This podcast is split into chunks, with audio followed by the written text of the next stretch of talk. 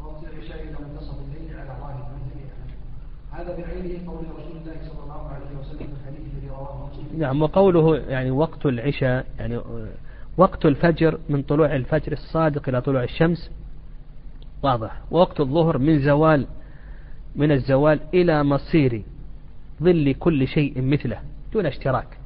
وهذا ما عليه أكثر العلماء خلاف الحنفية. فإن الحنفية يرون أن وقت الظهر يستمر إلى أن يصير ظل كل شيء مثليه. والمالكية يرون أن هناك وقتا مشتركا قدر أربع ركعات بين الظهر والعصر. يعني إذا صار ظل كل شيء مثله هناك وقت مشترك بين الظهر والعصر بمقدار أربع ركعات. هذا رأي المالكية. والصواب في ذلك أنه لا اشتراك وأن وقت الظهر يمتد إلى أن يصير ظل كل شيء مثله كما جاء في حديث عبد الله بن عمر رضي الله تعالى عنهم وقت العشاء إلى منتصف الليل هذا دل له حديث عبد الله بن عمر رضي الله تعالى عنهما خلافا للمشهور من مذهب الإمام أحمد عند الفقهاء يعني يرون أنه لا يستمر نصف الليل بل يستمر إلى ما بعد نصف الليل. فالإمام أحمد يقول وقت اختيار إلى ثلث الليل ثم بعد ذلك وقت ضرورة إلى طلوع الفجر. الحنفية إلى نصف الليل اختيار ثم وقت ضرورة إلى طلوع الفجر والصواب ما ذهب إليه ابن حزم وذكره الشيخ أنه إلى نصف الليل وأنه ليس هناك وقت اختيار لصلاة العشاء. نعم. هذا بعينه قول رسول الله صلى الله عليه وسلم الحديث الذي رواه مسلم في صحيحه عن عبد الله بن عمرو وروي أيضا من حديث أبي هريرة رضي الله عنه. وليس النبي صلى الله عليه وسلم حديث من قوله في المواقيت الخمس أصح منه وكذلك صح معناه هذا حديث عبد الله بن عمر هو أصح أحاديث المواقيت وهو حديث قولي وذكره النبي صلى الله عليه وسلم في المدينة. يعني العلماء يرجحون حديث عبد الله بن عمر على حديث جابر في إمامة جبريل بالنبي صلى الله عليه وسلم في بيان المواقيت. أولا حديث عبد الله بن عمر أصح في صح مسلم خرجه مسلم. بخلاف إمامة جبريل عليه وسلم فإن الشيخين لم يخرجاه. وثانيا أن حديث عبد الله بن عمر في المدينة بخلاف إمامة جبريل عليه وسلم فإنه في مكة. وثالثا أن حديث عبد الله بن عمر حديث قولي بخلاف إمامة جبريل بالنبي صلى الله عليه وسلم في بيان المواقيت فإنما هو فعل. والقول مقدم على الفعل. فيترجح حديث عبد الله بن عمر على حديث عبد إمامة جبريل بالنبي صلى الله عليه وسلم من هذه الأوجه الثلاثة. وحديث عبد الله بن عمر هذا ضبط مواقيت الصلاة. يعني فإذا حفظه طالب العلم يضبط بذلك مواقيت الصلاة. نعم. وليس عن النبي صلى الله عليه وسلم حديث من قوله في المواقيت الخمس يصح منه وكذلك صح معناه من غير وجه من فعل النبي صلى الله عليه وسلم في المدينة حديث ابي موسى وحديث وبريده رضي الله عنهما وجاء مفرطا في عدة أحاديث. وغالب الفقهاء انهم استعملوا هؤلاء فهل العراق مشروع مشهور عنهم أن العصر لا يدخل وقتها حتى يصير. ظل ظل كل شيء مثليه. وأهل الحجاز ابن وغيره ليس للمغرب عندهم إلا وقت واحد. يعني ال ال مذهب المالكية ومذهب الشافعية يشددون في وقت المغرب يضيقون. يعني الحنابلة والشافعية يقولون بأن وقت المغرب يستمر إلى مغيب الشفق. لكن الحنفية يقولون بأنه الشفق الأبيض والحنابلة يقولون الشفق الأحمر. أما بالنسبة للشافعية والمالكية فإنهم يضيقون. فالشافعية يقولون بأنه بقدر الوضوء وستر العورة وكذلك أيضا الأذان والإقامة وخمس ركعات. يعني بقدر الوضوء ستر العورة والأذان والإقامة وخمس ركعات. يعني هذا هو الوقت. والمالكية أيضا كلامهم قريب من هذا يضيقون في وقت المغرب. بخلاف الشافعي الحنابلة والحنفية رحمهم الله تعالى. كما تقدم أن أن الحنفية يرون أن وقت الظهر لا ينتهي إلا إذا صار ظل كل شيء مثليه خلافا لجمهور العلماء رحمهم الله. نعم والصواب في ذلك الصواب في ذلك بالنسبة لمواقيت الصلاة ما دل له حديث عبد الله بن عمر رضي الله تعالى عنهما وهو الذي ذكره الشيخ رحمه الله تعالى في أول هذا الفصل. وأيضا ننبه على مسألة أن أن سائر الصلوات ليس لها وقت ضرورة إلا صلاة واحدة فقط. صلاة واحدة هي التي لها وقت ضرورة وهي العصر. أما بقية الصلوات فإنه ليس لها وقت ضرورة. صلاة العصر هي التي لها وقتان. وقت اختيار إلى اصفرار الشمس ووقت ضرورة إلى مغيب الشمس. وأما بقية الصلوات فإنه ليس لها إلا وقت واحد وقت اختيار. نعم. فصل نقول بما جاء في السنة والآثار جمع بين الصلاتين في السفر والمطر والمرض. كما في حديث المستحاضة وغير ذلك من الآثار. نقول بما دل عليه كتاب يعني من الآثار يعني الجمع لا يخلو من أمرين إما أن يكون في السفر وهذا ثابت بالإجماع وإما أن يكون في الحضر فهذا عند الحاجة من مرض ومطر كما ورد عن ابن عباس وابن عمر رضي الله تعالى عنهما أنهما كانا يجمعان للمطر. في حديث ابن عباس أيضا أن النبي صلى الله عليه وسلم جمع في المدينة من غير خوف ولا مطر وفي رواية من غير خوف ولا سفر فقول من غير خوف ولا مطر يدخل في ذلك المرض. آه، نعم.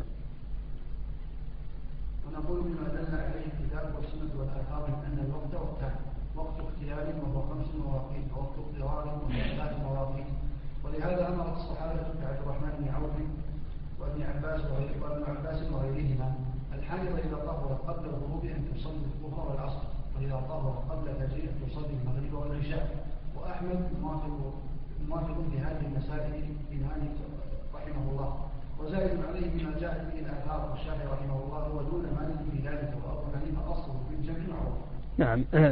يعني ما أشار إليه شيخ الإسلام تيمية رحمه الله في هذه المسألة بالنسبة إلى الآثار آثار الصحابة رضي الله تعالى عنهما عنهم من أن الحيض إذا طهرت قبل الغروب أن تصلي الظهر والعصر إذا طهرت قبل الفجر أن تصلي العشاء والمغرب. هذه الآثار كلها ضعيفة. لم يثبت منها شيء عن النبي صلى عن الصحابة رضي الله تعالى عنهم ولم يثبت في ذلك عن النبي عليه الصلاة والسلام شيء. فالصواب في هذه المسألة أن المرأة يجب عليها أن تقضي الصلاة التي طهرت فيها. وأما ما عدا ذلك فإنه لا يجب عليها. فإذا طهرت في وقت العشاء وجب عليها أن تقضي العشاء فقط. أما المغرب فقد مضت وهي حائض. إذا طهرت في وقت العصر وجب عليها أن تقضي العصر. أما الظهر فإنه لا يجب عليها. والآثار الواردة في ذلك ضعيفة وهذا مذهب أبي حنيفة رحمه الله. نعم.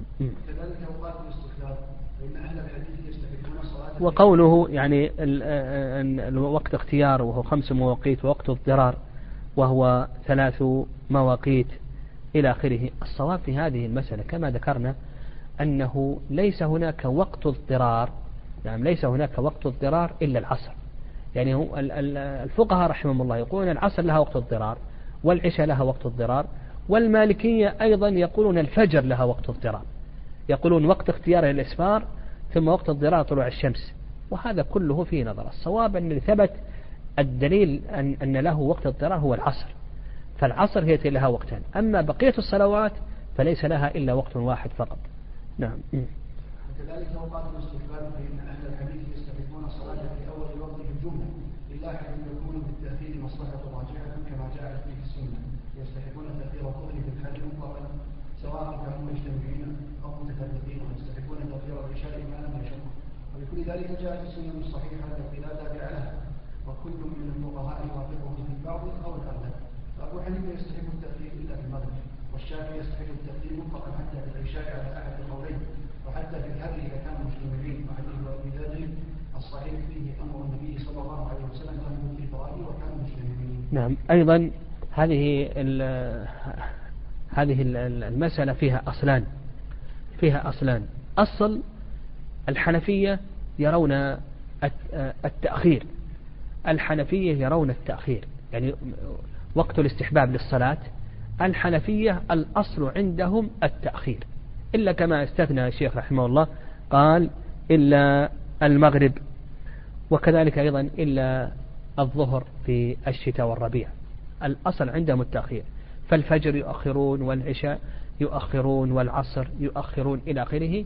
هذا الأصل عند الحنفية.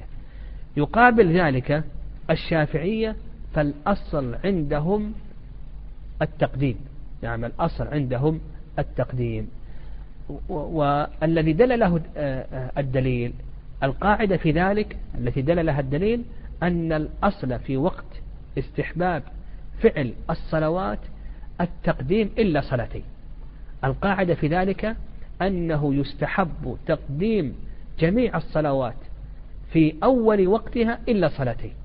الصلاة الأولى صلاة الظهر إذا اشتد الحر فإنه يستحب أن يبرد بها إلى قرب العصر. والصلاة الثانية صلاة العشاء يستحب أن تؤخر إلى نصف الليل ما لم يكن هناك مشقة. فإن كان هناك مشقة فإنه يراعى أحوال الناس. ولهذا كان النبي صلى الله عليه وسلم إذا اجتمعوا قدم وإذا تأخروا أخر. فنقول القاعدة في ذلك أنه آه، تقدم الصلاة في وقتها إلا صلاتين كما سلف. آه. نعم.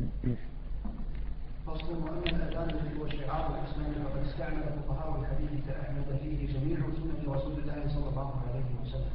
فاستحسن أذان بلال وإقامته فاستحسن أذان بلال وإقامته وأذان محذورة وإقامته. وقد ثبت في صحيح مسلم وغيره من النبي صلى الله عليه وسلم علم أن أبا محذورة الأذان مرجحا وفي صحيح مسلم أن الإقامة مشروعة. وثبت في الصحيحين أن بلالا أمر أن يشرع الأذان ومثل الإقامة في السنة أنه لم يكن مرجع رجع الأذان رجح أحمد إلى أذان بلال لأنه الذي كان يفعل بحضرة النبي صلى الله عليه وسلم دائما دائما قبل أذان أبي محذورة وبعده إلى مات واستحسن أذان أبي محذورة ولم يكرهه. وهذا أصل مستمر له في جميع صفات العبادات أقوالها وأفعالها يستحسن كل ما ثبت عن النبي صلى الله عليه وسلم من غير كراهة كراهة لشيء منه مع عمله بذلك واختياره من بعض أو تسويته بين الجميع. كما جوز القراءة بكل قراءة ثابتة وإن كان قد اختار بعض القراءة مثل أنواع الأذان والإقامة وأنواع التشهدات الثابتة عن النبي صلى الله عليه وسلم. كتشهد ابن مسعود وأبي موسى وابن عباس وغيرهم وأحبها إليه تشهد ابن مسعود. تشهد ابن مسعود طيب آه بالنسبة لي أيضا آه هذه قاعدة فيما يتعلق بالأذان والإقامة. الأئمة رحمهم الله اختلفوا في تقديم أذان بلال أو تقديم أذان أبي محذورة. ورد أذان بلال وإقامته وأذان أبي محذورة وإقامته. الإمام أحمد رحمه الله تعالى يختار أذان بلال رضي الله تعالى عنه وهو خمس عشرة جملة بلا ترجيع. ويختار أيضا إقامة بلال. يختار أذان بلال ويختار أيضا إقامة بلال. وإقامة بلال إفراد الإقامة إلا التكبير مع تثنية التكبير في أوله. مع زيادة آآ آه، آآ آه، نعم مع زيادة قد قامت الصلاة. فالإمام أحمد رحمه الله يختار أذان بلال وإقامة بلال. هذا مذهب الإمام أحمد رحمه الله. أبو حنيفة رحمه الله يختار أذان بلال وإقامة أبي محذورة. إقامة أبي محذورة كأذان بلال مع زيادة قد قامت الصلاة. فتكون الجمل كم؟ سبع عشرة. تكون الجمل سبع عشرة. هذا مذهب أبي حنيفة رحمه الله. مذهب الشافعي رحمه الله يختار أذان أبي محذورة مع إقامة بلال. أذان أبي محذورة كأذان بلال إلا أن فيه الترجيع. يعني ترجيع الشهادتين فتكون الجمل كم؟ تسعة عشرة. يعني الشافعي رحمه الله يختار أذان أبي محذورة مع إقامة بلال فيكون الأذان عنده تسع عشرة جملة مع الترجيح يعني ترديد الشهادتين في أول آه، آه، ترديد الشهادتين آه، سرا ثم بعد ذلك الرجوع ورفع الصوت بهما. الإمام مالك رحمه الله قوله في هذه المسألة هو أضعف الأقوال فالإمام مالك رحمه الله يختار أذان أبي محذورة مع تثنية التكبير. يعني أذان بمحذورة مع تثنية التكبير. أذان بمحذورة فيه الترجيع وتثنية التكبير الله أكبر في أول أذان مرتين فتكون الجمل عنده كم؟ سبع عشرة. وأيضا يختار إقامة آه، بلال مع تثنية الإقامة. يختار فتكون الجمل كم؟ عشر. نعم يختار أذان بلال آه، يختار إقامة بلال مع تثنية قد قامت الصلاة. يعني مرة واحدة فقط. فتكون عنده عشر. نعم. والصواب في هذه المسألة الصواب القاعدة في هذه المسألة ذكرها شيخ الإسلام تيمية رحمه الله ونقلها ابن رجب عن شيخ الإسلام أن العبادات الواردة على وجوه متنوعة أنه يستحب أن يؤتى بهذا تارة وبهذا تارة. فتارة يؤذن بأذان بلال وإقامته وتارة يؤذن بأذان أبي محذورة وإقامة أبي محذورة. عملا بالسنة كلها. هذا هو الصواب في هذه المسألة. ونعم وهذا اختيار شيخ الإسلام تيمية رحمه الله. أن العبادات الواردة على وجوه متنوعة السنة أن يؤتى بهذه تارة وبهذه تارة. وفي هذا عمل بالسنة كلها وحفظ للعلم. مثل ما شار الشيخ قال كتشهد ابن مسعود وأبي موسى بن عباس يعني تارة يتشهد المسلم بتشهد آه، أبي موسى. وتارة يتشهد بتشهد آه، ابن عباس التحيات المباركات الصلوات الطيبات أو تشهد آه، ابن مسعود التحيات لله والصلوات الطيبات أو تشهد عمر أو تشهد ابن عمر أو تشهد عائشة إلى آخره. نعم.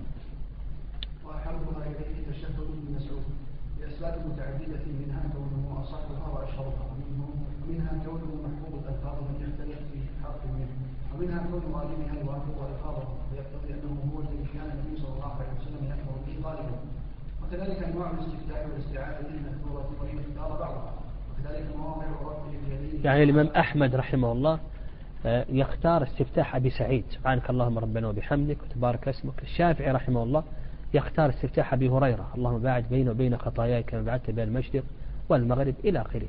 كما تقدم القاعدة أن شيخ الإسلام تيمية رحمه الله يرى أن العبايات الواردة على وجوه متنوعة يأتي بهذا تارة بهذا تارة. شيخ الإسلام له رسالة مستقلة فيما يتعلق بالاستفتاحات. يعني هناك استفتاح علي وفي استفتاح ابن عباس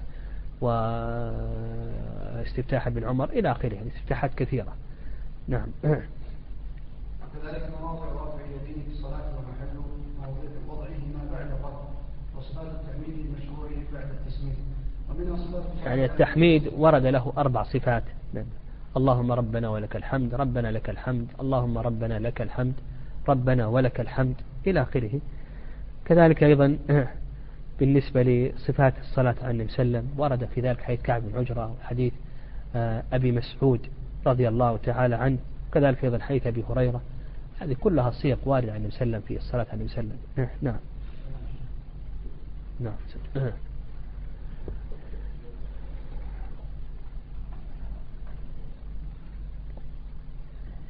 قال ومنها صفات الصلاة على النبي صلى الله عليه وسلم وإن اختار بعضها منها أنواع صلاة الخوف يجوز كل ما فعله النبي صلى الله عليه وسلم من غير كراهة. نعم والإمام أحمد رحمه الله في صلاة الخوف يختار حديث سهل وأن النبي صلى الله عليه وسلم جعل الصحابة رضي الله تعالى عنهم طائفتين طائفة صلت معه وطائفة وقفت وجاه العدو فصلى بالذين معه ركعة ثم ثبت قائما فأتموا لأنفسهم ركعة. فذهبت هذه الطائفة بعد أن أتمت لنفسها ركعة وجاءت الطائفة التي وجاها العدو فصلى بها النبي صلى الله عليه وسلم ركعة وثبت جالسا وأتمت لنفسها ركعة وسلم بها. هذا حيث سهل في الصحيحين. ومنها أنواع تكبيرات يجوز كل مأثور وإن استحب بعضه. نعم. المأثور في ذلك آه، حديث عمرو بن شعيب عن أبي عن جده أن النبي صلى الله عليه وسلم كبر في العيدين في الأولى سبع تكبيرات وفي الثانية خمس تكبيرات. فالإمام أحمد رحمه الله يقول سبع مع تكبيرة الإحرام والشافعي يقول سبع بلا تكبيرة الإحرام. وأبو حنيفة رحمه الله يرى أنه يكبر ثلاثا ثلاثا إلى آخره. لكن الذي ورد في حديث عمرو بن شعيب حديث عبد الله بن عمرو حديث عائشة أنها ثنت عشر تكبيرة. لكن هل تحسب تكبيرة الإحرام أو لا تحسب؟ فالإمام أحمد رحمه الله يقول سبع مع تكبيرة الإحرام الشافعي الشافعي يقول سبع بلا تكبيرة الإحرام وأما الركعة الثانية فخمس دون تكبيرة الانتقال. أما أبو حنيفة رحمه الله فيرى أنه يكبر في العيدين في الأولى ثلاث تكبيرات وفي الثاني ثلاث تكبيرات. نعم. التكبير على الجنائز على والتسبيع يعني التربيع هذا ثبت في الصحيحين من حيث أبي هريرة والتخميس والتسبيح هذه ثابتة عن الصحابة رضي الله تعالى عنهم. التخميس أيضا ثابت في صحيح مسلم. التربيع ثابت في الصحيحين. والتخميس هذا ثابت في صحيح مسلم حيث زيد بن أرقم. والتسبيع آه هذا ثابت عن الصحابة رضي الله تعالى عنهم. نعم آه رضي الله تعالى عنهم. آه نعم. وأما بقية الفقهاء فيختارون بعض ذلك ويكرهون بعضه منهم من يكره الترجيع بالاذان كابي حنيفه ومنهم من يكره التركه في الشافعي ومنهم من يكره شفع الإقامة في الشافعي ومنهم من يكره افرادها حتى صار الأمر باتباعهم إلى نوع الجاهلية فصاروا يحتفلون ببعض بلاد المشرق على ذلك حميه جاهلية مع أن الجميع حسن قد أمر به رسول الله صلى الله عليه وسلم أمر بذلك بقال اقامته ومحذوره بشفعها وإنما الضلالة حق وإنما الضلالة حق الضلالة أن ينهى أحد عما أمر به النبي صلى الله عليه وسلم. نعم فالسنة أن يؤذن تارة بأذان بلال وإقامة بلال وتارة بأذان بمحذورة وإقامتها بمحذورة وكما تقدم فيما يتعلق بصيغ التشهدات وصيغ الصلاة عليه وسلم وكذلك أيضا آه، ما يتعلق ببقية سنن آه، العبادات مثل آه، التورك في الصلاة ومثل رفع الأيدي مواضع رفع الأيدي هل يرفع إلى فروع ذنيه هل يرفع إلى حذو منكبيه إلى آخره. السنة أن تفعل كل هذه العبادات. يفعل هذه تارة وهذه تارة كما ذكرنا القاعدة في ذلك أن العبادات الواردة على وجوه متنوعة السنة تأتي بهذه تارة وبهذه تارة إلى آخره وفائدة ذلك حفظ العلم وثانيا تطبيق جميع السنة عليه وسلم وثالثا أن هذا أخشع القلب وأدعى لحضوره. نعم. فصل فلما صفة الصلاة من شعائرها مسألة البسملة فإن الناس فرقوا فيها نفيا وإثباتا في كونها آية آية من القرآن وفي قراءته وصنفت من الطرفين مصنفات يظهر في بعض كلامها نوع جهل وظلم مع أن الفضل فيها يسير. وأما التعصب في هذه المسائل ونحوها فمن شعائر الفرقة والاختلاف الذي نهينا عنه إذ الداعي لذلك هو ترجيح الشعائر المفرقة بين الأمة. وإلا فهذه المسائل من أخف مسائل الاختلاف جدا لولا ما يدعو إليه الشيطان من إظهار شعار الفرقه لما كونها آية من القرآن. الدار قطني رحمه الله له مصنف مستقر كما أشار الشيخ رحمه الله في البسملة. نعم. نعم. فأما كونها آية من القرآن فقال طائفة كمالك ليست من القرآن إلا في سورة النمل والتزموا أن الصحابة أودع المصحف ما ليس من كلام الله على سبيل التفرق حكى طائفة من أصحاب أحمد هذا رواية عنه وربما اعتقد بعضهم أنه المالكية لا يرون البسملة. يعني أشد الناس في البسملة هم الشافعية. الشافعية هم أشد الناس في البسملة. يرون أن البسملة آية من الفاتحة وآية من كل سورة. يرون أنها آية من الفاتحة وآية من كل سورة. يقابل هذا الأصل وهم الشافعية يقابلهم المالكية. فالمالكية يرون أن البسملة مكروهة بينما أن الشافعية يرون أنها آية من الفاتحة. والفاتحة أشد الناس في قراءة الفاتحة هم الشافعية يرون أنها ركن في كل صلاة فريضة أو نافلة على كل مصلي سواء كان إماما أو مأموما أو منفردا وسواء كانت الصلاة سرية أو جهرية وعلى هذا إذا ترك البسملة عند الشافعية صلاته لا تصح. وأما المالكية فيقولون بأنها مكروهة البسملة تكره في الفرض وتجوز في النافلة. فهذان طرفان يتقابلان. والصواب في ذلك الصواب في ذلك أن أن الفاتحة كما هو مذهب الإمام أحمد رحمه الله أنها جزء من آية في سورة النمل. هذا بالإجماع أنها جزء من آية في سورة النمل. وأنها آية مستقلة يؤتى بها لابتداء السور. يعني ليست آية من آه، مبتدأ كل سورة ليست آية من الفاتحة ولا من كل سورة. وإنما هي آية مستقلة في جميع القرآن يؤتى بها لابتداء السور. هذا مذهب الإمام أحمد رحمه الله وهو أحسن المذاهب فيما يتعلق بالبسملة. خلافا للشافعية الذين يشددون كما تقدم ويرون أنها آية من الفاتحة وأنها آية من أول كل سورة خلافا للمالكية الذين يكرهون قراءة البسملة وقال طائفة من الشافعي ما كتبوها بالمصحف بقلم المصحف عن تجاهلهم بالمصحف لأنها ليس من من السورة مع أدلة أخرى. وتوسط أكثر مع أدلة أخرى. حديث أبي هريرة في الدار قطن أن النبي صلى الله عليه وسلم قال إذا قرأتم الحمد لله رب العالمين فاقرأوا بسم الله الرحمن الرحيم فإنها آية منها. يعني هكذا جاء في الدار قطني. نعم. وتوسط أكثر فقهاء الحديث كأحمد ومحققي أصحاب الحديث فقالوا إذا لتوا في المصحف تقتضي أنها من القرآن بدون بأنهم لم يكتبوا فيه ما ليس بقرآن لكن لا يقتضي ذلك أنها من السورة بل تكون آية مفردة أنزلت في أول كل سورة كما كتبها الصحابة سطرا مفصولا. كما قال ابن عباس كان لا يعرف فصل السورة حتى ينزل بسم الله الرحمن الرحيم.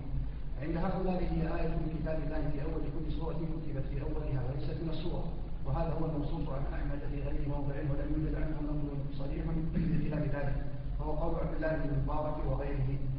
وهو أوسط الأقوال نعم وهذا هو مذهب الإمام أحمد كما تقدم أنها جزء من آية من سورة النمل وأنها آية مستقلة يؤتى بها عند بداية كل سورة إلا ما يتعلق بسورة براءة فإن الصحابة رضي الله تعالى عنهم اختلفوا هل الأنفال آه، آه، مع سورة براءة أو أنها سورة مستقلة فجعلوا البسملة فاصلة. آه، نعم جعلوا الاستعادة دون البسملة.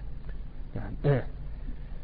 وكذلك الأمر في تلاوتها في الصلاة. طائفة لا تقرأها لا سرا ولا جهرا كمالك كمالك والأوزاع وطائفة تقرأها جهرا كأصحاب ابن جريج والشافعي.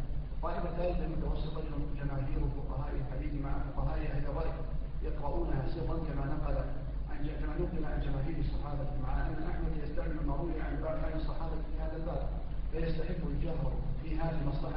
نعم كما تقدم أن المالكية يكرهون البسملة وعلى هذا فهم لا يقرؤونها لا سرا ولا جهرا في الفريضة وإنما يجوزونها في النافلة فقط.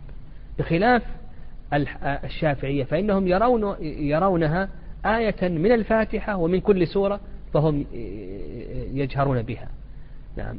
والصواب في ذلك أنه يسر بها غالب الأحيان واختيار شيخ الإسلام تيمية رحمه الله أنه يجهر بها في بعض الأحيان. وخصوصا إذا كان هناك مصلحة كالتأليف كما لو كان يصلي آه، خلفه من يرى البسملة إلى آخره. فالصواب في ذلك أنه في غالب الأحيان آه، آه، يسر بها. نعم وهذا هو هدي النبي صلى الله عليه وسلم. لو كان النبي صلى الله عليه وسلم يجهر بها دائما لا نقله الصحابة. بل الذي نقل أنس أن النبي صلى الله عليه وسلم كان أبو بكر النبي صلى الله عليه وسلم وأبو بكر وعمر وعثمان كانوا يفتتحون الصلاة. بالحمد لله رب العالمين. فدل ذلك على أنهم لا يجهرون. فالغالب أنه لا يجهر بها لكن يجهر بها في بعض الأحيان وخصوصا إذا كان يترتب على ذلك مصلحة كالتأليف. حتى إنه نص على أن من صلى المدينة يجهر بها. قال بعض أصحابه أنهم كانوا يجهرون على من يجهر بها ويستحب للرجل أن يقصد إلى تأليف هذه القلوب بترك هذه المستحبات لأن صاحب التأليف في الدين أعظم من صاحب الفعل مثل هذا. كما ترك النبي صلى الله عليه وسلم تأثير بن أبي سارس البيت لما رأى في قائل من تأليف القلوب لما رأى من إلقائه من تأليف القلوب. وكما أنكر ابن مسعود على عثمان إتمام الصلاة في السبق ثم صلى خلفه متيما وقال الاختلاف شر. وهذا وإن كان وجها حسنا فمقصود أحمد أن أهل المدينة كانوا لا يقرؤونها فيشعر بها ليبين أن قراءتها سنة كما جاء ابن عباس بقراءة أم الكتاب على الجنازة وقال تعلم أنها سنة. وكما جرى عمر بالاستفتاح غير مرة كما قال كان النبي صلى الله عليه وسلم يجهر يجهر بالآية في أحيانه في صلاة الظهر والعصر. ولهذا نقل عن نقل عن أكثر ولهذا نقل عن أكثر من روى عنه الجهر بها فكأنهم جهروا بإظهار أنهم يقرؤونها كما جهر بعضهم بالاستعاذة أيضا. والاعتدال في كل شيء استعمال الآثار على وجهها. فإن كون النبي صلى الله عليه وسلم كان يجهر بها دائما وأكثر الصحابة لم ينقلوا ذلك ولم يفعلوه ممتنعا قطعا لا سيما وقد ثبت عن غير واحد منهم نفيه عن النبي صلى الله عليه وسلم. ولم يعارض ذلك خبر ثابت إلا وهو محتمل.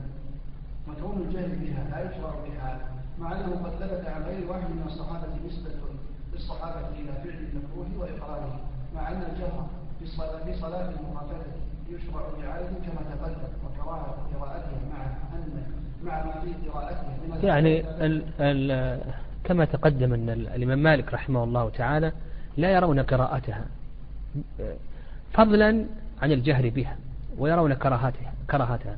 الشافعية يرون الجهر بها. ويرون أنها آية من الفاتحة. ويستحبون الجهر بالبسملة في أول الفاتحة وفي أول كل سورة بخلاف المالكية. الوسط في هذا أن هدي النبي صلى الله عليه وسلم. وهدي النبي صلى الله عليه وسلم الغالب أنه لا يجهر بها لكن يجهر بها في بعض الأحيان تطبيقا للسنة. يعني تطبيقا خصوصا إذا كان هناك مصلحة. يعني كان هناك مصلحة إلى آخره. فيجهر بها في بعض الأحيان. كما نقل الشيخ رحمه الله عليه وسلم كان يجهر آه، في بعض الصلاة السرية التي يخافت بها لعارض كما في النبي صلى الله كان يسمع الآية أحيانا في صلاة الظهر في صلاة العصر إلى آخره. نعم. وكراهة قراءتها مع في قراءتها من الآثار الثابتة عن الصحابة المرفوع بعضها إلى النبي صلى الله عليه وسلم. وكون الصحابة كتبوها بالمصحف وأنها كانت تنزل مع السور فيهما مع أنها إذا قرئت في أول كتاب سليمان فقراءتها في أول كتاب الله في غاية المناسبة. فمتابعة الآثار فيها على الكتاب والابتلاء والتوسط الذي هو أفضل منه.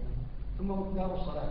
اختار فيه فقهاء الحديث صلاة النبي صلى الله عليه وسلم التي كان يفعلها غالبا وهي صلاة معتدلة متقاربة يخفف فيها القيام والقعود ويطيل فيها الركوع والسجود ويسوي بين الركوع والسجود وبين الاعتدال منهما كما ثبت ذلك عن النبي صلى الله عليه وسلم مع كون مع كون قراءته في المسجد بما بين الستين إلى المئة آية وفي الظهر بنحو ثلاثين آية وفي العصر والعشاء من ذلك مع أنه قد كان يخفف عن هذه الصلاة برعاية كما قال صلى الله عليه وسلم إني لأريد إني لأدخل في الصلاة وإني أريد أن أطيلها فأسمع بكاء الصبي فأخفف لما أعلم من وجه أمه كما أنه قد يطيلها على ذلك لعالم كما قال صلى الله عليه وسلم في المغرب بطول الطولين وهي الأعراف. ويستحب لطالة الركعة الأولى من كل صلاة على الثانية ويستحب أن يمد الأوليين ويحذف الأخرين كما رواه جابر بن أبي وقاص عن النبي صلى الله عليه وسلم وعامة الفقهاء الحديث على هذا. يعني القاعدة في مقدار الصلاة هي صلاة النبي صلى الله عليه وسلم والنبي صلى الله عليه وسلم بين ذلك. فما يتعلق بالقراءة السنة في صلاة الفجر أن يقرأ من طوال فصل النبي صلى الله عليه وسلم قرأ بقاف وقرأ بالطور وكان يقرأ بالواقع ونحو من, من, من السور. وهذا بالنسبة للفجر. وأما الظهر فالسنة أن يقرأ بواسطة المفصل وفي كما جاء في حديث جابر بن سمرة أن النبي صلى الله عليه وسلم كان يقرأ في الظهر والعصر بالسماء ذات البروج والسماء والطارق. وفي بعض الأحيان يقرأ بطوال فصل كما جاء في حديث أبي سعيد الخدري رضي الله تعالى عنه. وأما العصر فإنه يقرأ بواسطة المفصل كما جاء في حديث جابر بن سمرة والعشاء يقرأ بواسطة المفصل كما أمر النبي صلى الله عليه وسلم معاذ بن جبل أن يقرأ بسبح وهل أتاك حديث الغاشية والليل إذا يغشى وقرأ باسم ربك الذي خلق إلى آخره. وأما المغرب فيقرأ بقصار فصل كما جاء في حديث رافع بن خديج وحديث سليمان بن يسار. يقول سليمان بن يسار كان فلان يصلي بنا فكان يطيل الركعتين الأولين من الظهر ويخفف العصر ويقرأ بالفجر بطوال فصل والعصر يقرأ بالفجر بطوال فصل والمغرب بقصاره والعشاء بأواسطه. فقال أبو هريرة رضي الله تعالى عنه ما صليت صلاة أشبه بصلاة رسول الله صلى الله عليه وسلم من هذا. فقال الفجر بطول الفصل والعشاء بأواسطه والمغرب بقصاره إلى آخره. هذا هذا هو السنة. وأما بالنسبة لقدر الركوع والسجود فبينوا حديث أبي هريرة. المأموم تبع لإمامه وأما المنفرد فأمير نفسه وأما الإمام فحذروا صلاة لما كان عمر بن عبد العزيز يصلي بهم فقال أبو هريرة ما صليت صلاة أشبه صلى الله عليه وسلم من هذا. قال سعيد بن جبير فحذرنا ركوعه وسجوده فإذا هو قدر عشر تسبيحات. الركوع يكون قدر عشر تسبيحات والسجود يكون قدر عشر تسبيحات. سواء استغرق ذلك بالتسبيح أو استغرقه بالدعاء إلى آخره المهم أنه لا يتجاوز عشر تسبيحات. وفي حديث البراء بن عازب أن النبي صلى الله عليه وسلم أن ركوع النبي صلى الله عليه وسلم ورفعه وسجوده وجلسته بين الشيتين قريبا من السواء. وعلى هذا يكون الركوع قدر عشر والرفع يكون قدر عشر والسجود يكون قدر عشر تسبيحات والجلسة بين السجدتين. وقال ما خلا القيام والقعود عن التشهد هذان الركان يطال فيهما. نعم. ومن الفقهاء من يستحب أن يطيل الاعتدال من الركوع والسجود ومنهم من يراه ركنا خفيفا بناء على أنه يشرع تابعا لأجل الفصل مقصود. يعني الحنفية يرون أن الرفع من الركوع ليس ركنا. يعني لو أنه هوى من الركوع إلى السجود مباشرة أجزأت صلاته. كذلك أيضا يرون أن الرفع من السجود ليس ركنا. يعني لكي تميز بين السجدتين عند الحنفية أن ترفع رأسك ثم تهوي مباشرة. وهذا لا شك أنه خلاف السنة الواردة عن النبي صلى الله عليه وسلم.